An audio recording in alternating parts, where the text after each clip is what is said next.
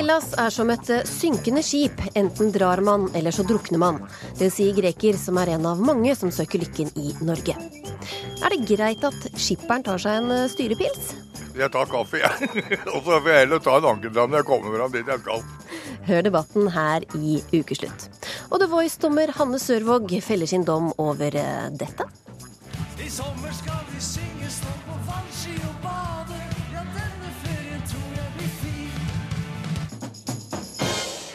Jeg heter Linn Beate Gabrielsen og ønsker deg velkommen til ukeslutt, hvor vi også skal høre hvordan Jackie Kennedy har hjulpet et norsk korps gjennom nåløyet for å spille i paraden i Washington på selveste 4. juli. Men først. Stengte minibanker, demonstrasjoner med ja- og nei-plakater, og folk som står i kø for å få utbetalt pensjon. Dette er noen av bildene vi har sett fra Hellas den siste uka. I morgen skal grekerne stemme over om de ønsker å gå med på ytterligere innstramming av livreima. Det er uh, mulig krisa i Hellas er helt uh, gresk for en del, men uh, dette kan du forklare for oss, forbrukerøkonom Silje Sandmæl. Hvordan har Hellas havnet i dette uføret, eller luksusfellen om du vil? Ja, altså rett, De har rett og slett brukt mer penger enn de har.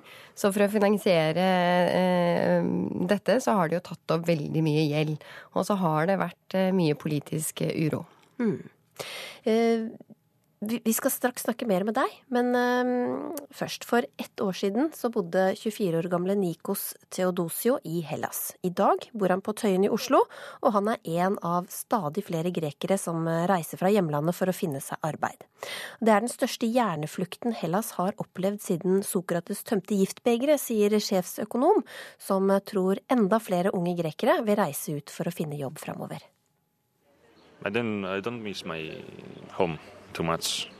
People, the people that I miss, my family back at home, and friends, not actually Greece. Jeg savner ikke selve landet, forteller Nikos Theodosio. Jeg savner menneskene, venner og familie. Nikos er 24 år og reiste til Norge fra Hellas for ett år siden. Han er to meter høy, bor på Tøyen i Oslo og jobber som maler. I'm a painter, so constructions in Hellas it's almost finished. Not almost, totally finished. In my town uh, about three years ago. That was the last one. Den siste malejobben jeg hadde i Hellas, var for tre år siden, forteller Nikos. Det er vanskelige tider, så mange reiser. Yeah, the whole thing is a little bit difficult and sad in Greece. Many people go away from Hellas. It's a sinking ship, so if I will stay, I will be drowned. And I will die. Probably. Han kaller landet et synkende skip. Enten drar man, eller så drukner man. Og mange har tenkt på samme måten som Nikos. Siden midten av 80-tallet har antall grekere i Norge vært stabilt på rundt 300-400. Men etter at finanskrisa slo til i 2008, har antallet fordobla seg. I dag bor det om lag 1300 registrerte grekere i Norge. Eh, nå ser vi at eh, f.eks. en eh, voksen dame har sendt e-mail som vil gjerne jobbe i Norge. Vi befinner oss på kontoret til den greske foreninga i Norge. Lederen for foreninga, Jannis Alferis, scroller seg gjennom alle e-postene de har fått den siste tida.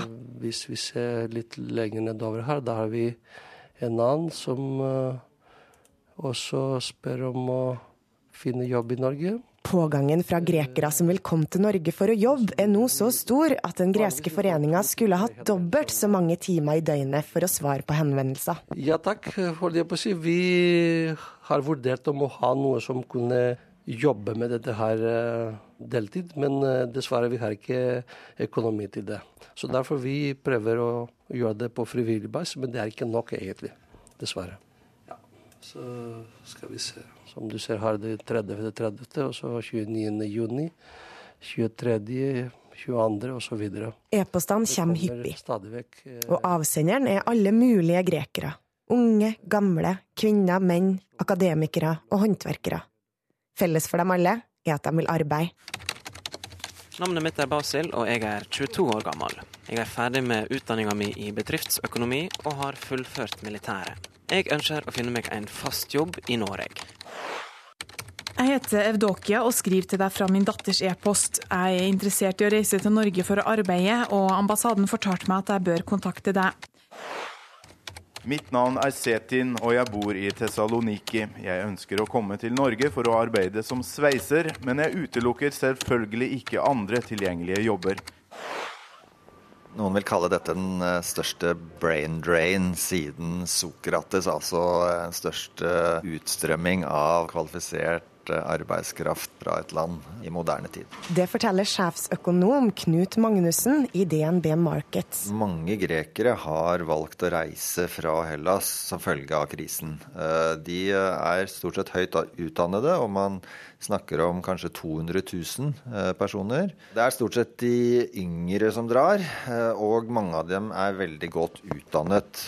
Men hva skjer egentlig med et land når de unge og velutdanna stikker av?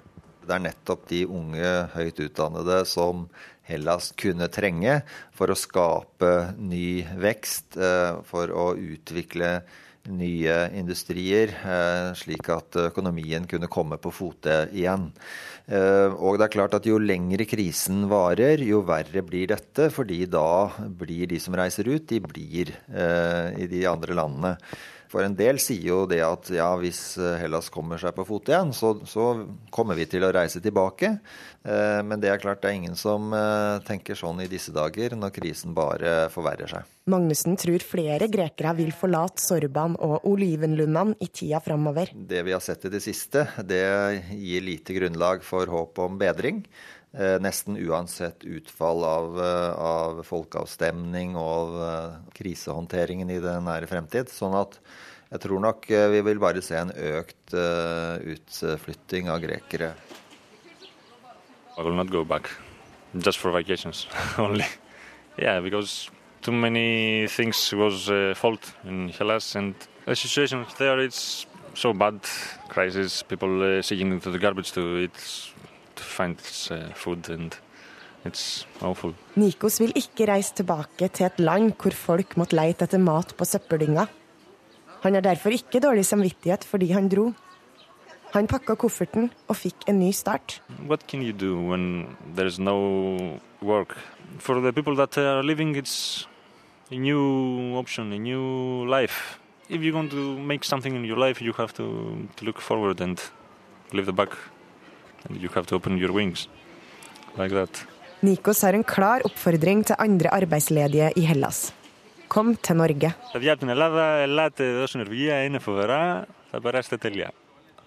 People from Greece come to Norway. You will spend a wonderful time. It's very good. Og reporter, det var Åsta Hoem Hagen. Anglos Aglidakis, du er eh, greker, men også bosatt, bosatt her i Norge. Vi hører her om en hjerneflukt fra Hellas. Kjenner du deg igjen i det som fortelles her? Ja, ja. Alt han fortalte er eh, det jeg eh, opplevde eh, det siste jeg var i Hellas. Mm. Hvordan eh, folk som du kjenner og har kontakt med i, i, Hellas, hva forteller de? Eh, de alle sier at eh, de er veldig glad at jeg fikk meg ut av landet. Jeg reiste ut, av, ut fra landet. Og det jo, finnes flere som er interessert og hvordan de kunne reise hit, og hvor hvor de, kan bo, hvor de kan finne jobb. og alt det. Mm. Hvordan er det å sitte her i Norge og se på alle nyhetene om, om Hellas? Veldig anstrengende. Ja. Eh, Ingen vet hva som kommer å skje i løpet av de neste dager. Det er eh, vanskelig, for å si det sånn. Mm. Ja. Mm. Silje Sammer, hvordan, eh, hvordan, kan grekerne komme seg ut av dette her, da? Nei, altså det er jo eh, Det handler jo om landets økonomi. Og det er jo, som det blir sagt her, trist at det skal gå utover befolkningen. Men det er jo de som tross alt nå må ta regningen. Eh, for det landet må gjøre, er at de må øke inntektene sine. Og for å kunne gjøre det, så må folket betale. De må jobbe lenger, de, de er nødt til å, å, betale mer skatter og avgifter for produkter og tjenester. Så, mm, så det er klart at eh, her er det jo mye bidrag som må til fra, fra folket. Og det, de er jo ikke kanskje så villige til å gjøre det som vi i Norge ville vært. Altså vi gikk jo med på en pensjonsreform uten å mukke. Eh, og grunnen til det er jo fordi at eh, vi kan gi fordi vi får noe tilbake. Og det er jo det som er annerledes der nede. De føler vel ikke i den grad at de får så mye tilbake. Men hvorfor må vanlige folk eh, betale når det er staten som tross alt har brukt for mye her? Sånn er det i et lands økonomi. Det er folket som må betale. Det må vi her i Norge også. Vi betaler skatter og avgifter. Men som sagt så får vi jo ti, altså vi får noe tilbake igjen. Så, så vi, vi, gjør det jo med glede. Men, eh, men, der så gjør det jo ikke det. Men man må jo tenke langsiktig. Så for å få landet på fote, så er man nødt til da å, å begynne med folket. Mm. Anglos, tror du folk er eh, det er, jo av, det er jo folkeavstemning i morgen, ja eller nei til denne låneavtalen. Tror du de er klare til å ja, få det enda litt trangere? Ja, de vet at de skal få det trangere. Jeg tror at de fleste skal få det eh, trangere, verken de stemmer for ja eller nei. Eh, men eh, hvor trangere det blir, ingen vet. Fordi det er ingen som har forklart hva nei betyr, for det første. Og vi vet ikke om ja er fremdeles en opsjon som er på bordet for å diskutere mellom regjeringen og troikaen. Mm. Hva tror du, Silje Sandmæl, hva vil et nei bety? Nei, altså da, da, blir det jo mest sannsynligvis eh, som et eh, konkurs, da. Eh, ikke sant? Som en, eh, som en, bedrift som går konkurs, hvor du da selvfølgelig noe gjeld blir slettet, og, og, og det kan eh, Det blir jo sagt at det, da, da kan det bli bedre, men da går man også tilbake til drakmer. Og når man da har en gjeld som er ca. 3000 milliarder norske kroner, som skal tilbakebetales i euro, så hjelper det ikke om noe gjeld blir slettet, fordi at da blir den gjelden mye dyrere. Eh, fordi du har en valuta som er svakere.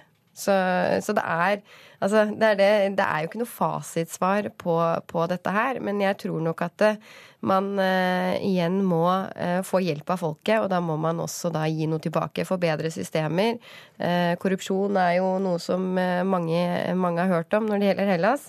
Så her må nok selvfølgelig de helt på toppen bevise at de kan gi noe tilbake. Hva tror du den folkeavstemningen i morgen gjør med, med folk i Hellas? Og med det er splittet, er splittet, folk er splittet i to. Altså Halvparten uh, vil, uh, sier at uh, nei er det beste opsjonen, og det, det, andre halvparten sier at ja er det beste svaret.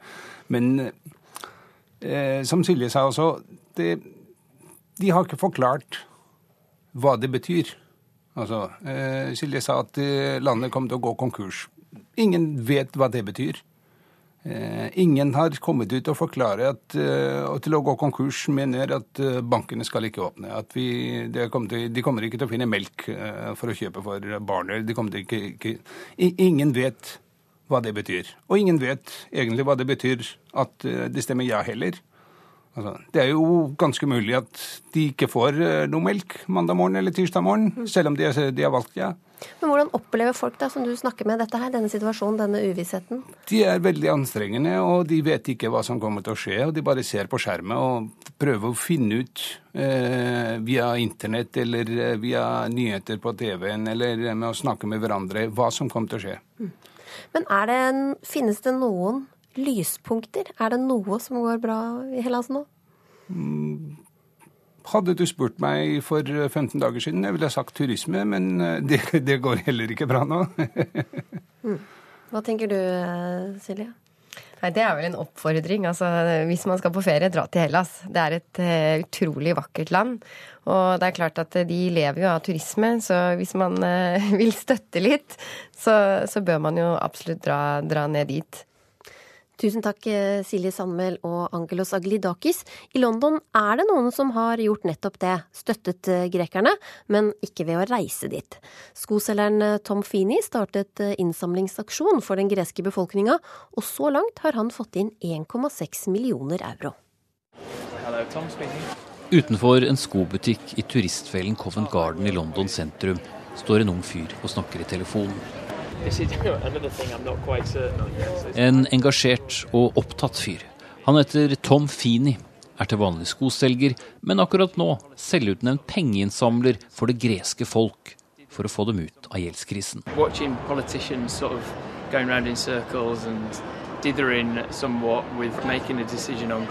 Han var lei av å se politikere som bare gikk i ring uten å få gjort noe, og satte derfor i gang med en svært optimistisk innsamlingsaksjon, hvor han ber så mange som mulig være med på spleiselaget. Det trenger ikke bli mye på hver, forklarer han. The amount that we need per person is only 3 euros 19 per citizen of the uh, EU.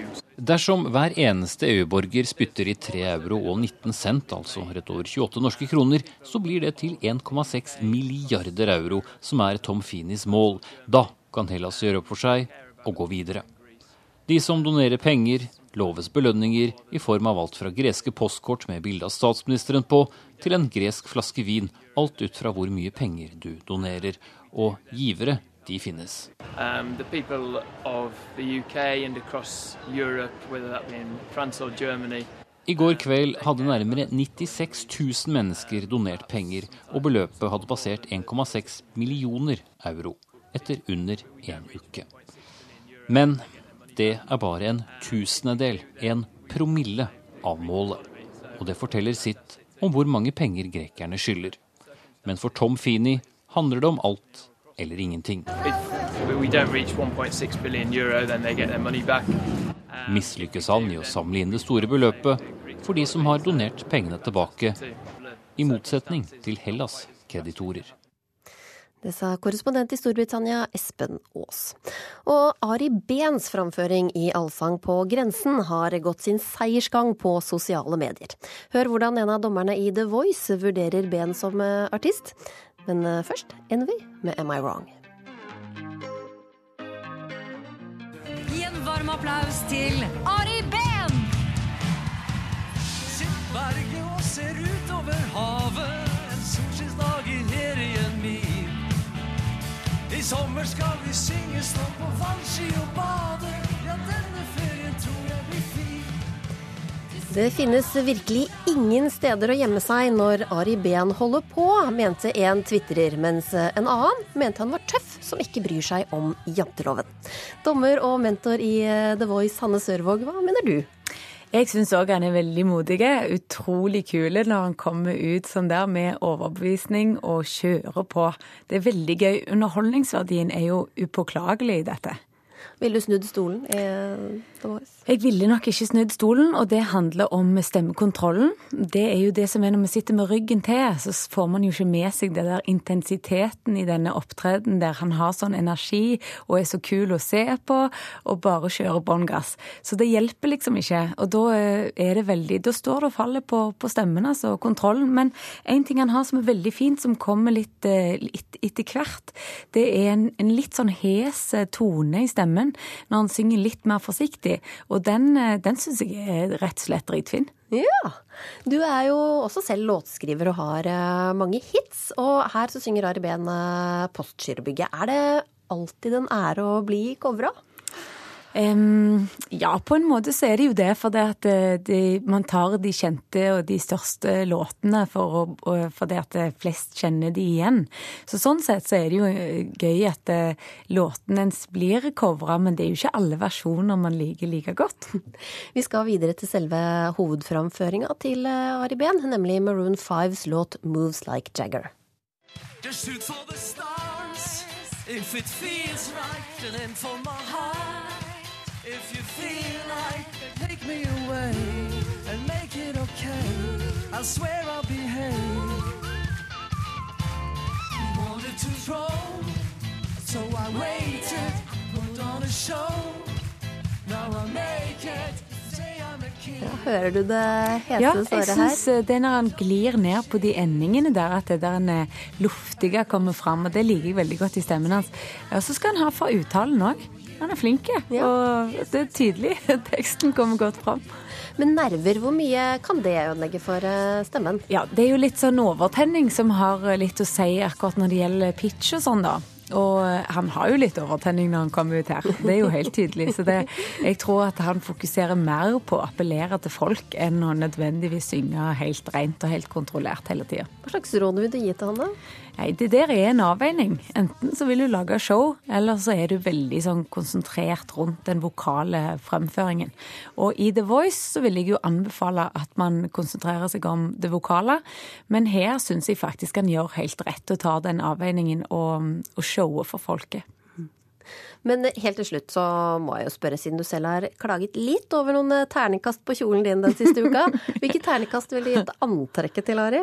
Åh, Altså, jeg må jo bare si at jeg syns Ari er superhot. Så det blir en sekser på dette her, altså. Han er utrolig flink å kle seg, og modig i klesveien. Yes.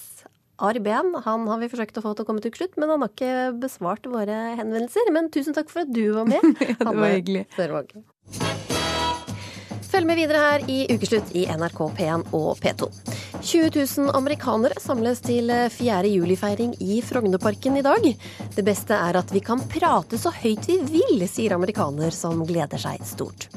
Og det er ikke akkurat hverdagskost i media. Pasient skryter av helsevesenet etter sitt livs tøffeste opplevelse.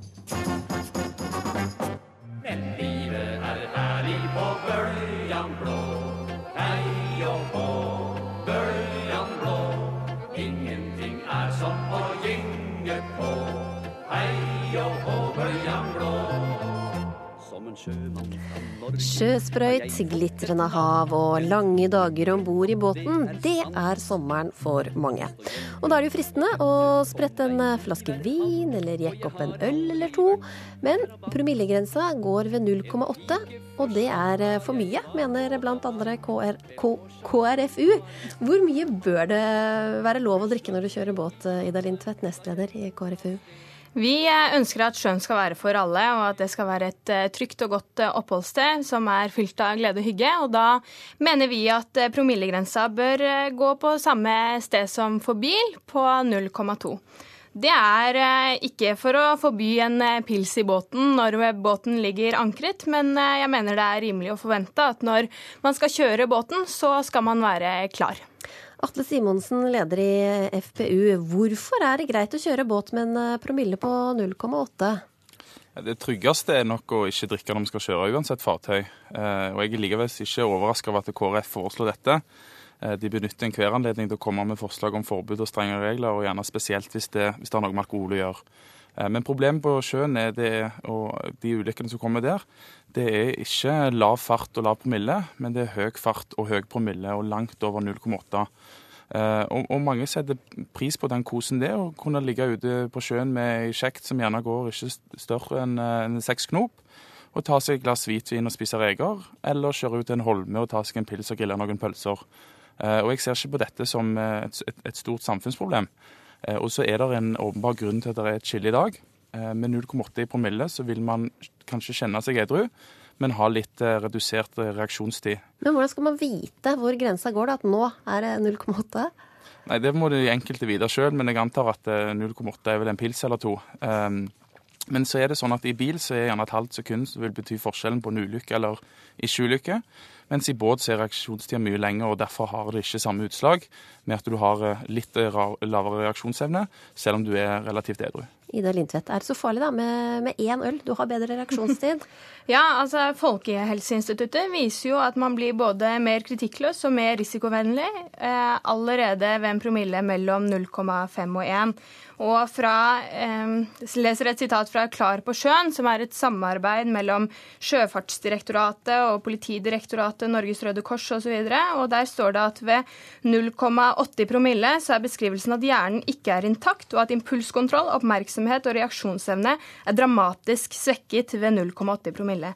Jeg ønsker at folk skal være Eh, altså, oppmerksomme og ha ordentlig reaksjonsevne når de kjører båt. Atle Simonsen, hjernen ikke helt intakt ved 0,8, det hørtes skummelt ut? Ja, det gjør det. Men altså, problemet på, på sjøen i dag det er ikke de som har 0,8 promille, eller de som har 0,5 eller de som har 0,3. Problemet er de som har 2 eller 3 promille og er skikkelig fulle. Eh, og man vet jo at det er et mye lavere ulykkespotensial på sjøen. Altså På veien er det er det langt oftere rus i forbindelse med dødsulykker enn på sjøen. Selv om det er forbud mot alkoholpåvirkning og nulltoleranse i bil. Så det har på en måte ikke fungert. Og Poenget er at du, du kjører ikke i kø på sjøen. Og man, hva skal du si, man har litt bredere felt enn på veien. Og de ulykkene hvor man har hatt promille på sjøen, så har den vært langt over 0,8. Og jeg mener Istedenfor at man skal straffe alle, så bør heller politiet ta de som virkelig drikker på båten. Og jeg tror et sånt forslag som KrFU kommer med her, vil sørge for at gjerne folk ikke har respekt for den grensa som er i dag, som er på 0,8, som, som, jeg har inntrykk av at de fleste forholder seg innenfor. Hvorfor straffe de som bare drikker litt, når det er stordrikkerne som er problemet, Lindtvedt? Nei, altså Da man skjerpet promillegrensen for bilkjøring, så ble det skapt et mye klarere skille som sa at bilkjøring og alkohol det hører ikke sammen. Og jeg mener at akkurat det samme bør gjelde på båt. Det er sånn at 86 personer av de som har omkommet de siste ti årene, har vært alkoholpåvirket. Så er det ikke sånn at vi har funnet på dette forslaget selv. Altså, det har blitt eh, satt ned en ekspertgruppe som skulle se hvordan man kan eh, redusere antall eh, ulykker på sjøen. Og de eh, anbefalte et klart flertall eh, at promillegrensen bør senkes. Og jeg har da folk som Politidirektoratet, Sjøfartsdirektoratet, Redningsselskapet i ryggen, som alle mener at dette vil være med på å redusere antallet ulykker på sjøen. Hva sier du til det, Simonsen? Ja, mens båtforeningene sjøl er, er gjerne uenige, da. Men hvis det var sånn som, som Lindtveit her sier, at, eh, at det var en quick fix og bare under promillegrensen så ville ikke folk kjøre, så hadde man ikke i dag hatt eh, dødsulykker og de fleste dødsulykker på veiene som er i forbindelse med alkohol. Når man innførte den grensen som var på 0,8, altså før var det fritt fram, så har ikke antall ulykker gått ned heller. Eh, Og det, er fordi at de aller fleste forholder seg til den loven som er, mens det er noen som bryter den, uansett om grensen er på 0,0 eller om den er på 0,8. Eh, Og i FPU og Frp så tror vi på frihet under ansvar. Og jeg tror at hvis KrF fikk bestemme, så ville det vært flere som kjørte båt med høy promille. Eh, Og grunnen er at eh, dersom man er kriminell av å bare ta seg en pils, så tror jeg mange tenker at da kan de like greit drikke fire-fem, eh, fordi det er like forbudt uansett. Mm -hmm. Og jeg er sikker på at folk har respekt for den grensa på 0,8, mens forbudet, altså hvis det var helt forbudt, tror jeg ikke ville være fullt, og det ville mangle legitimitet. Nei, jeg mener det er feil. Eh, Den grensen vi har på bil nå, har ganske stor legitimitet. Eh, Det er heller ikke bevist at bilulykkene gikk ned da promillegrensen ble endret fra 0,5 til 0,2 på bil. Men det er jo ingen, selv heller ikke Frp, som tar til orde nå for å øke promillegrensen på bil. Og det er nettopp fordi at det har blitt skapt en klar markering om at bilkjøring og alkohol det hører ikke sammen. Det skaper større eh, risiko for ulykker. Og det samme mener jeg vil skje hvis vi innfører det samme på båt. Vi skal høre hva båtfolket selv eh, synes. Vi sendte reporter Åsta Hoem Hagen ned i båthavna. Hvis jeg hadde tatt med ett glass vin, og så hadde jeg invitert deg med på båttur, hadde du sagt eh, ja da? Ja, det hadde jeg gjort. Så så nøye er du ikke? Nei, ett glass kan jeg nok eh, tolerere. Jeg syns faktisk ikke, ikke det. Jeg tar kaffe, jeg. Og så får jeg heller ta en ankeldram når jeg kommer fram dit jeg skal. Det er akkurat samme forhold som med bil, det. Du har ikke alkohol i kombinasjon med, med at du er en eh, fører. Så hvor mye er det greit å drikke før man eh, setter seg ved roret? Ingenting. Tror du folk er ærlige når de sier at eh, de har nulltoleranse for alkohol og båtkjøring? Egentlig ikke. Jeg tror de fleste godtar at man drikker ren og sånn. De skal bare være så veldig lovlydige sånn utenpå. Atle Simonsen, det er ikke mye støtte å få fra båtfolket. Hva tenker du om det? Nei, Her var det noe litt delt, da, men, men uh, mitt poeng er at uh, det er ikke et problem hvis du, hvis du anker på en holme og tar deg en pils, eh, og så setter jeg og kjører en time og to etterpå. Eh, Men det, dette er noe som, som, som folk må håndtere sjøl, og jeg er sikker på de fleste klarer å, å forstå at det, det er en dårlig idé å sette seg bak rattet enten det er bil eller båt hvis du har drukket mye. Eh, og, og mener da at, eh, at dette ikke er et problem, så lenge det, så lenge det er lite grann. Og Mitt inntrykk er at de aller fleste båtfolk har utrolig stor respekt for sjøen. De vet hva de holder på med, og de har ikke lyst til å sette andre mennesker i fare. Så det tryggeste er å ikke drikke det hele tatt. Men et sånt forbudforslag som, som KrFU kommer med her, jeg er redd vil treffe feil folk. Helt kort, det store jeg må si helt kort til slutt høy til Ida, Ida Lindtvedt også. Tror du folk er ærlige når de svarer her? Det er Det må folk selv ta ansvar for, men eh, det viktige her er jo at risikoen for ulykker nettopp øker dersom man har alkohol i blodet. Det ønsker vi å forebygge ved å senke grensen. Tusen hjertelig takk, Atle Simonsen og Ida Lindtvedt. Det er eh, nok av historier i media om eh, folk som føler seg dårlig behandla av helsevesenet. Men det finnes eh, unntak. Pernille Nesje mistet sitt ufødte barn for bare fire uker siden, og omsorgen hun og samboeren fikk av sykehuset, gjorde at hun valgte en helt spesiell måte å takke på. Reporter Elisabeth Onsum møtte henne. Det er jo noe av det tøffeste jeg har gjort i mitt liv. Det å, å føde et barn man vet man ikke kan beholde. Det er bare en måned siden Pernille Nesje var hjemme på badet da fostervannet gikk så altfor tidlig.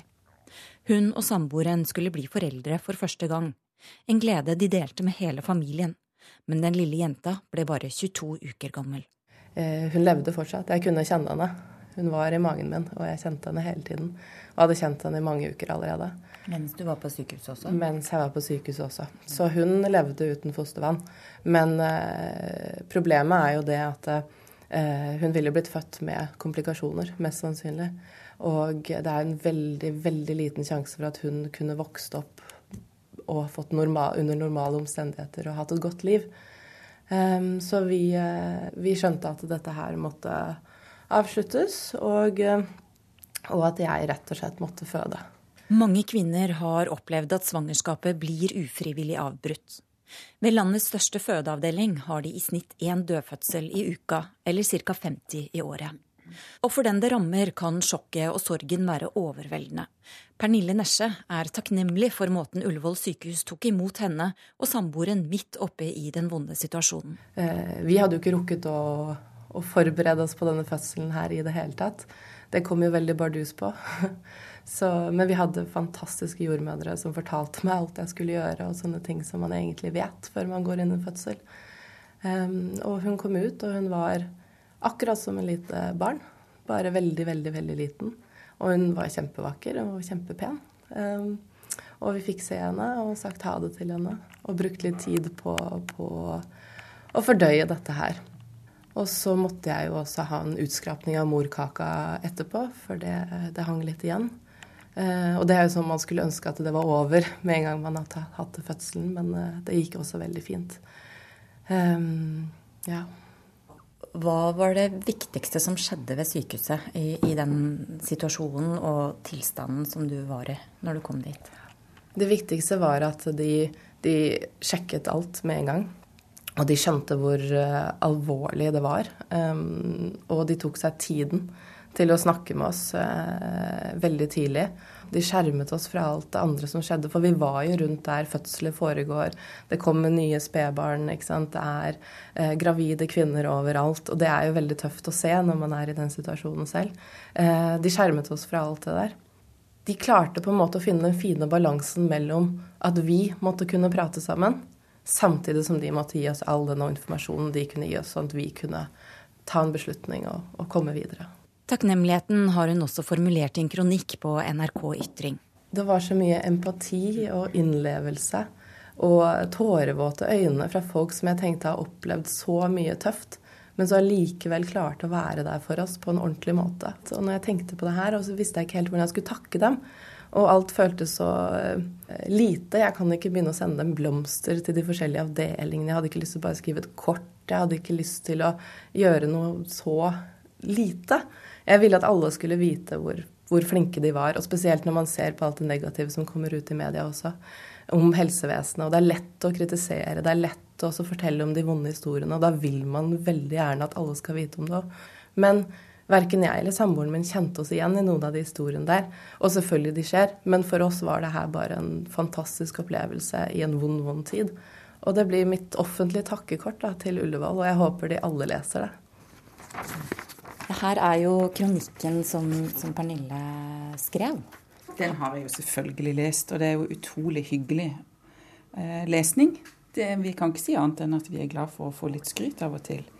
Nina Harsem er overlege på observasjonsposten for gravide på Ullevål sykehus. Eh, men jeg må jo også si at jeg er utrolig imponert over Pernille, som jeg selvfølgelig husker veldig, veldig godt.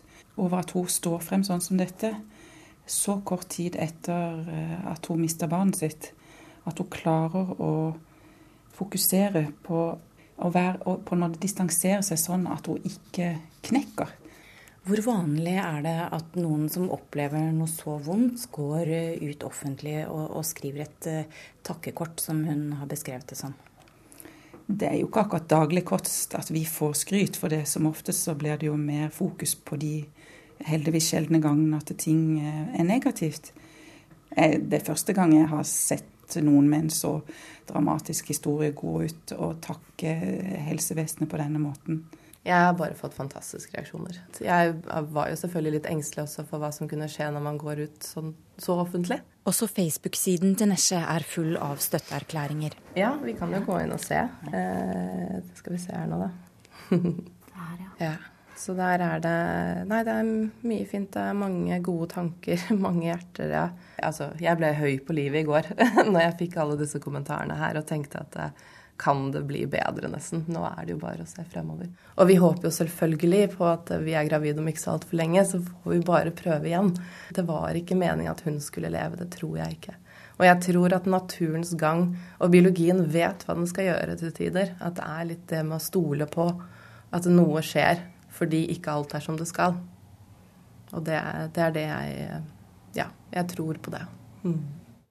Og mer om denne saken kan du lese på nrk.no. Kronikken til Pernille Nesje den finner du på Ytring her på NRK.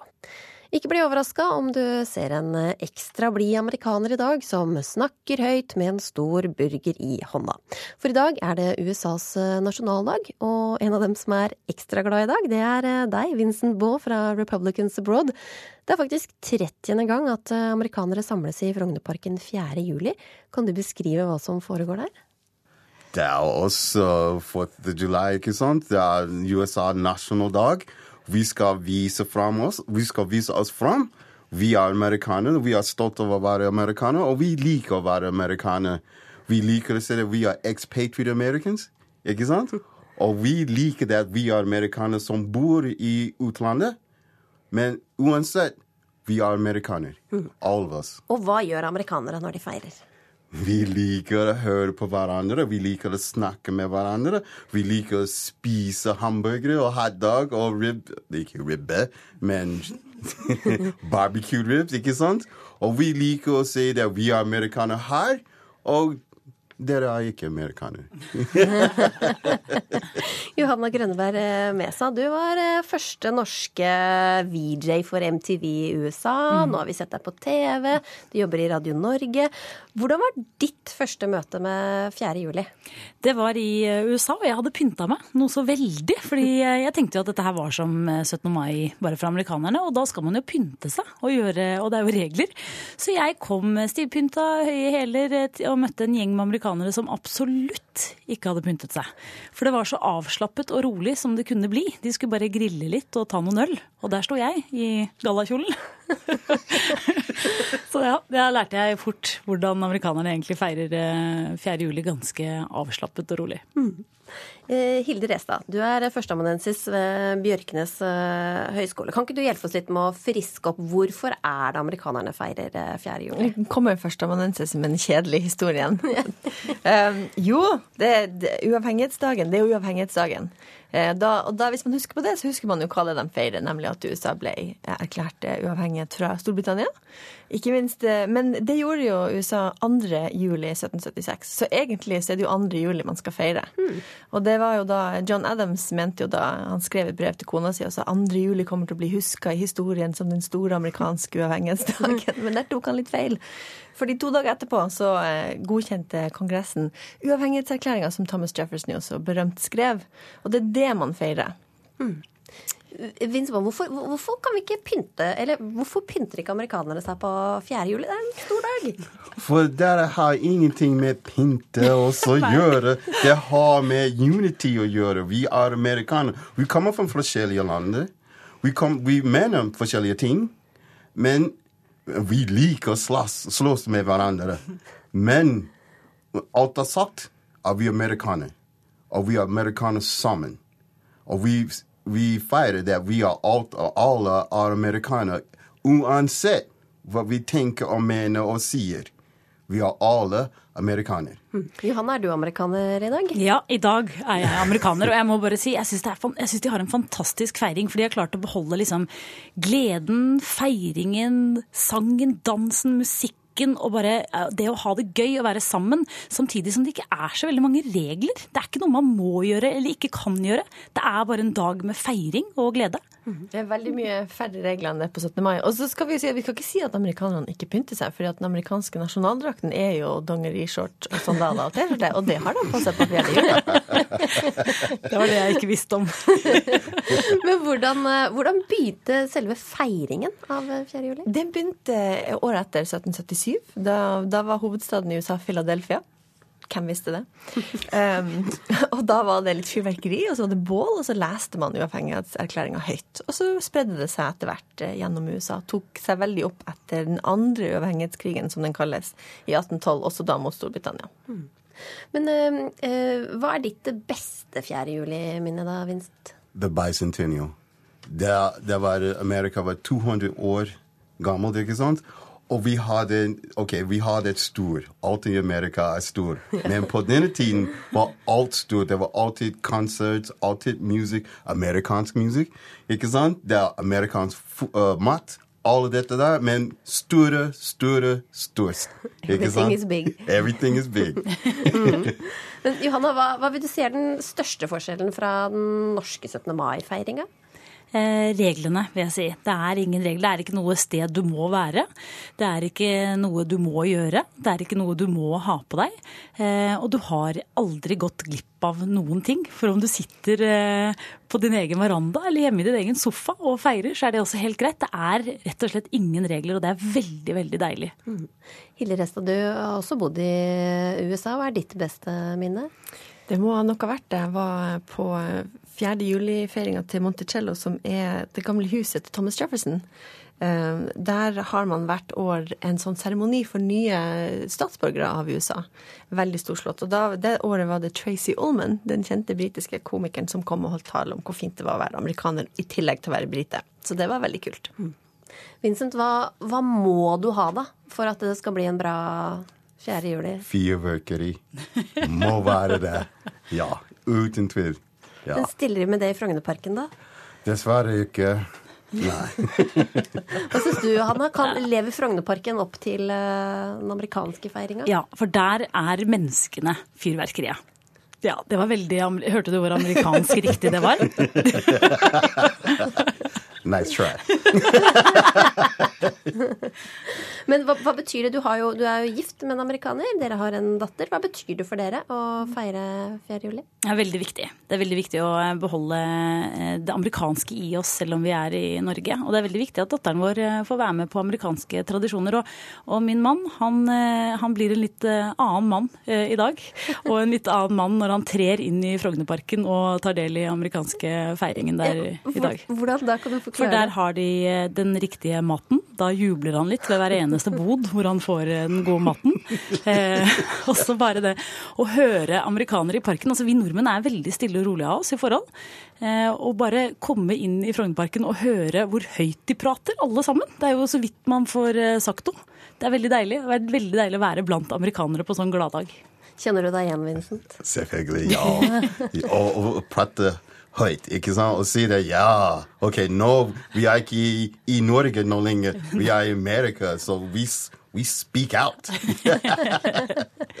Og hvordan er det med drikkekulturen på øh, 4. juli? ikke akkurat det samme som dere nordmenn. Fordi for oss er det helt fint å drikke hele dagen, fordi vi drikker ikke de 4,5, vi drikker 3,2, ikke sant? Så det er helt mulig å drikke hele dagen uten å være uh, Stupfull.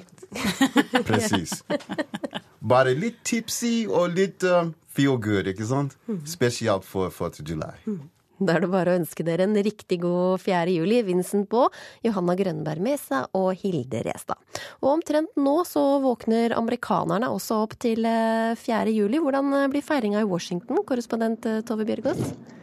Nei, her er det punkt på prakt av den store nasjonale eh, paraden som skal gå av stabelen nede ved Kongressen. Med eh, masse eh, korps fra hele USA og med militærparader og miss, sånne biler med, forskjellige misser og alt mulig rart. Eh, og dit er jeg faktisk på vei i år, fordi eh, for første gang på det jeg kan vite, så er det altså et norsk korps som er blitt plukket ut til å gå i denne paraden. Og det er Bispehaugen skolekorps fra Trondheim. Hvordan har det seg at de har klart å komme seg med? Nei, De sier at det har en litt spesiell historie. I 1962, tror jeg det var, så hadde eh, de på et eller annet vis eh, Jeg lurer på om- Kennedy, Jackie Kennedy hadde hørt dem eh, og invitert dem til Det hvite hus.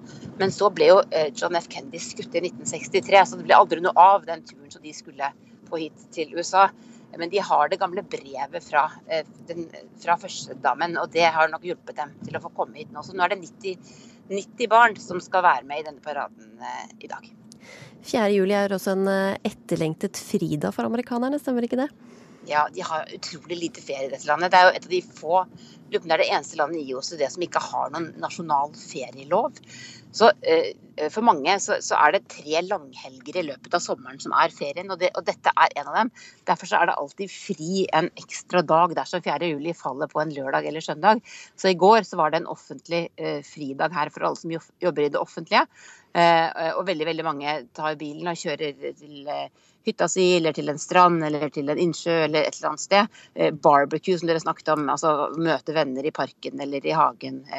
Å spise hamburgere og sånn. Det er jo den store aktiviteten. Så det er jo mange som ikke går på disse paradene, men det er mange som møter opp eh, i kveld. Da er det fyrverkeri, offentlig fyrverkeri rundt i hele landet. Der er det fyrverkeri. Tusen takk, korrespondent eh, Tove Bjørgaas. Og de som har tatt eh, ferie her i Norge denne uka, de må vi vel si har truffet blink værmessig. Men nå venter det vel noe tordenvær og regn, Ingrid Bentsen? Ja, i, i dag har det vært mye fint vær i store deler av Sør-Norge, og temperaturer vil nok komme opp i 30 grader enkelte steder. Men i Trøndelag er det mer skyer og forholdsvis kjølig. Men på søndag da vil temperaturen fortsatt holde seg høy i Sør-Norge, og temperaturen stiger også i Trøndelag. Men i morgen er det utrygt for enkelte regnbyger, og i indre strøk på Østlandet også lokale tordenbyger. Og I tillegg er det da den lokale tåka langs kysten i sør, og det er først og fremst om natta og i morgentimene der vi ligger. Eh, I Nordland har det vært litt regn i sørlige områder i dag, men hele Nordland vil etter hvert få opphold og perioder med sol, og i morgen ventes mye fint vær i Nordland. Og Både i dag og på søndag blir det enkelte regnbyger på kysten av Nord-Troms og i Finnmark, og det vil holde seg kjølig her. Og natt til søndag kan det faktisk komme sluddbyger på fjellovergangene nord i Finnmark. Men i indre strøk blir det opphold og lange perioder med sol, selv om temperaturen trolig bare vil være omkring ti grader. Og Spitsbergen får opphold og perioder med sol både i dag og i morgen. Takk skal du ha, Ingrid Bensen. Og da pakker vi sammen her i eh, Ukesluttstudio. Eh, fikk du ikke med deg hele sendinga, så kan du høre på podkasten som blir eh, klar nå ganske snart. Og du kan selv være med på debatten på våre Facebook-sider, NRK Debatt. Ansvarlig for sendinga, det var Gry Veiby. Teknisk ansvarlig Frode Thorshaug. Og i studio har du hørt Linn Beate Gabrielsen.